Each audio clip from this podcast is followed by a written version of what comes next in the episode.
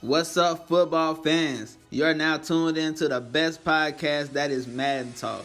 So this week five of the 2020 season, these games that I'm about to tell you about, the ones you need to glue your eyes on. So let's start off with America's game of the week. That's right, America chose this game as the number one game to see go down in week five as we have the 4 0 Eagles versus the 1 3 Cowboys.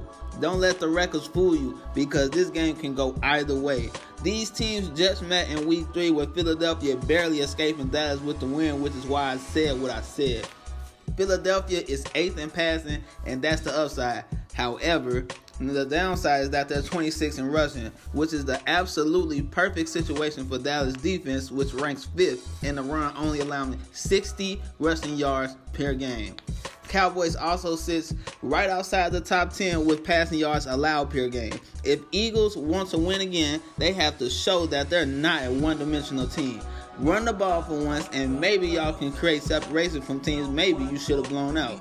This will be a fun game to see as this true defensive team versus a simple-minded offensive, which apparently works out for them at the end. Cowboys snag a win in this rivalry, 28-17. And oh, we got another division game going on that's about to get heated up. It's the 3 and 1 LA Rams versus the 2 and 2 Seattle Seahawks. These two battle out to see who will play second fiddle to the 49ers, which walking on clouds right now. The Rams are incredibly talented on offense, and for the most part, that's the only thing that's consistent about them, but the defense is not up to par. 24th in passing yards allowed and 30th in rushing yards allowed. That's not a good combination, and that definitely won't help you win games. Where's the pressure at LA? The Seahawks are in trouble, but I give them an edge because they have a slightly better coaching staff than LA.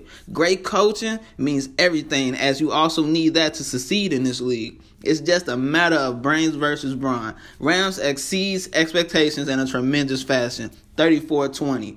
Last but not least, the final game of the week would be the 2 and 1 Super Bowl defending champs against the 1 and 3 Super Bowl ready 49ers.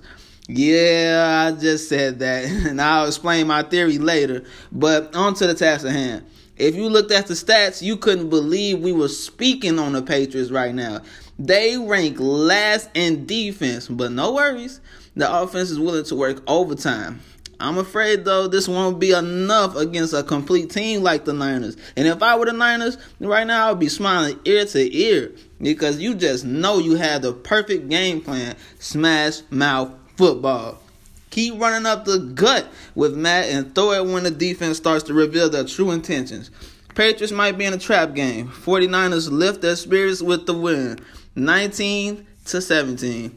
And that's all for the moment for my incredible listeners. Please tune in at 8 p.m. Central to hear my analysis on which teams are making it and which are faking it. TKO signing off.